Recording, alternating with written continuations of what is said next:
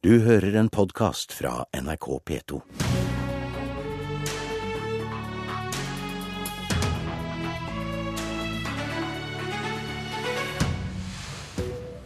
Kan alle fire bli vinnere? Eller får vi smil ekte som en trekroning fra én eller flere borgerlige partiledere når de står der med en avtale? Og hva får vi hvis Siv må si morn, Jonas? Morn Gjermund Hagesæter, finanspolitisk talsmann i Fremskrittspartiet. Dere har jo mast på Arbeiderpartiet fordi de ikke vil si hva de vil. Denne uken kom svaret. De stryker 10 milliarder av regjeringens skattekutt i sitt alternative budsjett. Og hvis du skulle forhandlet med Arbeiderpartiet om skatt, det ville vel blitt som å forhandle med KrF? Du, Det vil nok blitt atskillig vanskeligere. for Her syns jeg det at uh, apekatten er kommet ut av sekken. Og uh, den, det budsjettprofilen til Arbeiderpartiet her, den er gjenkjennelig. Veldig gjenkjennelig. Og ligner litt på KrF sin, som også Nei, reverserer dette her er nok mye verre. Her er det altså slik at nå har man retorisk da, så er man at de rike skal betale mer skatt. Og Her definerer altså Arbeiderpartiet hvem de rike er. Det er de som tjener mer enn 250 000 kroner. De skal få skjerpa skatt.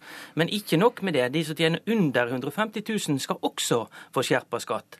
Altså De som har knapt til salt i maten og sitter nederst med bordet, de skal altså, altså bli pålagt å betale mer skatt til staten. Og I tillegg til det så er det altså en avgiftsskjerpelse på en mengde områder. Bensin og, driv, eh, bensin og diesel skal bli dyrere. Campingtilhengere skal bli dyrere. Tyngre kjøretøy skal bli dyrere. Motorsykler og snøscootere skal bli dyrere. Eh, vanlige biler skal bli dyrere. Eh, mineralolje, altså avgiftsfri diesel for landbruket og for anleggsbransjen og, båtfolket skal bli dyrere. Hørtes ut som ting dere sitter og diskuterer i andre fora, dette her også? ja, ja, Påhengsmotorer skal bli dyrere, alkoholavgiftene skal bli dyrere, tobakksavgiftene skal bli dyrere, og til og med eh, alkoholfrie drikkevarer skal bli dyrere. Så alt skal bli dyrere. Så dette er et typisk Arbeiderparti-budsjett, og det er noe som ikke Frp liker i hele tatt. Marianne Martinsen, finanspolitisk talskvinne i Arbeiderpartiet. Denne uken kom, kom dere med det svaret dere da ikke har villet gi tidligere. Og kommer dere til makt, da øker skattene, som vi hørte en lang liste her nå. Det vi gjør i vårt eh, alternative budsjettopplegg, det er å reversere skattenivået tilbake der hvor det var i fjor. Nå høres det ut som Armageddon er nær når Gjermund Hagesæter snakker om det. Og Han sammenligner dette med det som regjeringa har lagt i bordet og foreslått for neste år. Nå er jo det eh, en skatteprofil som folk folket ikke har tatt spesielt godt imot, og som de også sliter veldig med å få flertall for i Stortinget. Hvis vi sammenligner med det som er skattenivået som gjelder i dag, Men så ta- er det en reell skjerpelse på 2,5-3 milliarder kroner. Ta påstanden hans om at det kommer skatteskjerpelser til folk med ikke veldig høy inntekt. Altså, Vi reverserer tilbake til skattenivået som var i fjor. Vi gjør det faktisk med noe bedre fordelingsprofil enn det som lå i fjor. Eh, vi er med på, på skattekutt eh, for de som har aller minst. Vi lar en del minstefradragsendringer f.eks. stå, mens vi tar eh, mye inn på økt formuesskatt. Det mener vi er en god profil. Det gjør at de som har de sterkeste skuldrene, eh, bærer tyngst. Og så når Gjermund Hagesæter peker på, på hva som skjer eh, blant de som har aller minst, så er det bl.a. et resultat av at du har ganske mange mennesker som ikke har inntekt, men stor formue, som får formuesskatt i den nederste inntektsdesilen. For, for, de som, altså for de som rent faktisk har veldig lite, så er dette et opplegg som er bedre enn det det faktisk var i 2013, eh, da, da vi gikk av. Og så sørger vi for en grønn profil på dette, en helsemessig god, god profil på dette. Altså Tallene til eh, Arbeiderpartiet viser jo tydelig at de som tjener altså 0 til 150 000, altså de som tjener aller minst, de får en skatteskjerpelse. De, må altså, de skal altså bli pålagt å betale mer penger til staten, til verdens rikeste stat. Og det syns jeg er skammelig. Det syns jeg det at man kunne holdt seg for god til å gjøre. altså. Erlend Hagesæter, du er veldig klar over at det du sitter og sier nå ikke stemmer. De som har all minst, vil få et fordelingsmessig bedre opplegg med vår profil. Det står jo, det står jo i deres eget budsjettopplegg. Stort sett formuesskatteøkning på de som ikke har inntekt, som har nullinntekt. De som rent faktisk har lite, vil ende opp med å betale mindre. Og Dessuten så må vi ha med totalbildet her. Når vi reverserer skatte, skattekutt tilbake til 2013-nivå, altså nivået som vi hadde i fjor, et nivå som Norge levde ganske bra med, eh, så, så gjør vi det bl.a. for å kunne, kunne finansiere en god del velferdssatsinger. Det betyr f.eks. at vi kommer til å gå for å innføre to barnehageopptak at vi reverserer den økninga i maksprisen som regjeringa har foreslått. En gjennomsnittlig barnefamilie med to barn i barnehage går jo i minus med regjeringas opplegg, hvis du tar med barnehageopplegget deres. Så at vanlige barnefamilier får det greiere økonomisk med vårt opplegg. Og det er også noe å ta med seg. Kamp om sosial profil? Nei, det er ikke sosial profil. Dette, tallene viser akkurat sånn som jeg sa i sted. Og så er det altså i tillegg denne avgiftsskjerpelsen. Og da er det altså slik at de med lavest inntekt de vil få størst belastning når avgiftene øker. Når man altså øker avgiftene på alle områder, bensin, diesel, kjøretøy, eh, man kjører på alkohol, på tobakk, alkoholfri drikkevarer, alt mulig, så skjerper man avgiftene. Så er det altså de med, som har dårligst råd, som, som vil merke den ble. De rike de vil selvfølgelig ikke dette bety noe for, men de med dårlig økonomi de vil merke dette kraftig. Martinsen, når det gjelder formuesskatten, mm. eh, debattert også i andre rom enn dette. Eh, din egen partileder han betaler formuesskatt og sier til oss i et intervju jeg er ikke blind for at det i noen tilfeller kan være vanskelig for personer med egne bedrifter, og at de fra år til annen kan ha vanskeligheter. Mm. Og gir vel med det regjeringen litt rett. Vi har jo aldri påstått at formuesskatten er en perfekt skatt, like lite som inntektsskatten er det. Det at Gjermund og jeg betaler inntektsskatt av våre inntekter Men Hva slags, hva slags vår... svar har dere til de som rammes av de problemene Støre beskriver? Der har dere vel ikke noe svar, da? Altså Det som har vært noe av hovedkritikken mot formuesskatten blant eh, de, alle de fagfolka som forsvarer den som prinsipp, det er at den er lite effektiv fordi at man forskjellsbehandler ulike formuesobjekter. At det er veldig mye mer lukrativt å putte penger inn i eiendom f.eks. enn eh, det å investere pengene sine i en maskinpark. Men svarer det, det på de problemene Støre adresserer her? Det svarer ikke på at bedrifter som går med underskudd, kan uh, ha eiere som allikevel må betale formuesskatt. Men det er altså ikke sånn at det er statens oppgave å sørge for at bedrifter går med overskudd. Det må bedriftene eh, sørge for selv over lang tid. Ok, Hagesæter møter Støre seg selv i døra, men, mener du, i dette intervjuet? Støre er, forsvarer formuesskatten. Altså, mm. Han sier at dette er en riktig innretning. Men han innrømmer et problem? Ja, definitivt. Og det har vi gjort hele tiden. Men du kan ikke bruke han som sannhetsvitne for å fjerne formuesskatten. Det er åpenbart at Jonas Gahr Støre møter seg selv i døra. Og når man møter seg selv i døra, så er det viktig å kjenne seg selv igjen. Og det gjør heller ikke Jonas Gahr Støre. Det, som, det han innrømmer her, det er at han tar altså utbytte ut av disse selskapene sine for å betale formuesskatt. Og det betyr det at de som Da betyr det at det blir mindre mindre penger igjen inn i disse selskapene til å betale lønn, til å investere for framtiden og for å trygge arbeidsplassene. Så det er arbeidsplassene i disse bedriftene jeg er bekymra for. Ikke Jonas Gahr Støre og disse rike, men det er de arbeiderne som jobber i disse.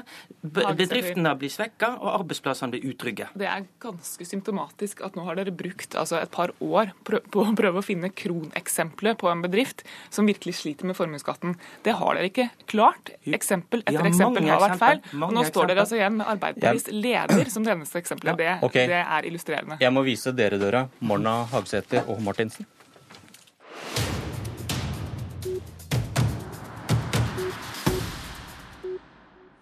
Og hei hei til Magnus Takvam og Berit Aalborg. Takvam, politisk kommentator her i NRK.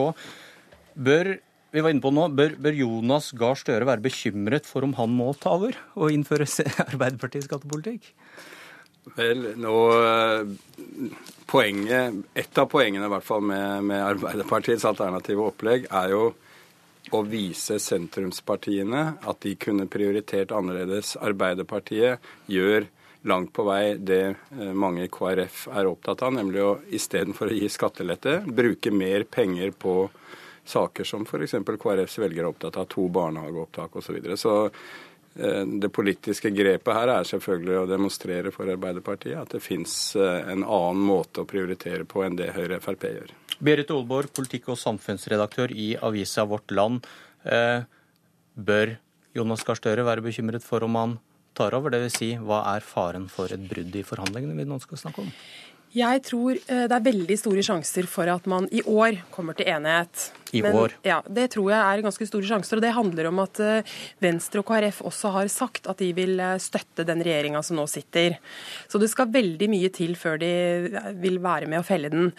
Men det som jeg tror er interessant, er det som skjer i årene som kommer. For hvis det blir bitre holdninger, og det er, det er mye gruff mellom Venstre og KrF på den ene sida og Høyre og Fremskrittspartiet på den andre, så kan det få konsekvenser for årene som kommer. og Da kan vi fort komme i en situasjon hvor disse to gruppene med partier glir litt fra hverandre. og Da kan det bli veldig lett for uh, særlig KrF å se i retning av Arbeiderpartiet, som nå legger opp til en skatte- og avgiftspolitikk med og, og flere ting som kanskje ligger litt tettere på.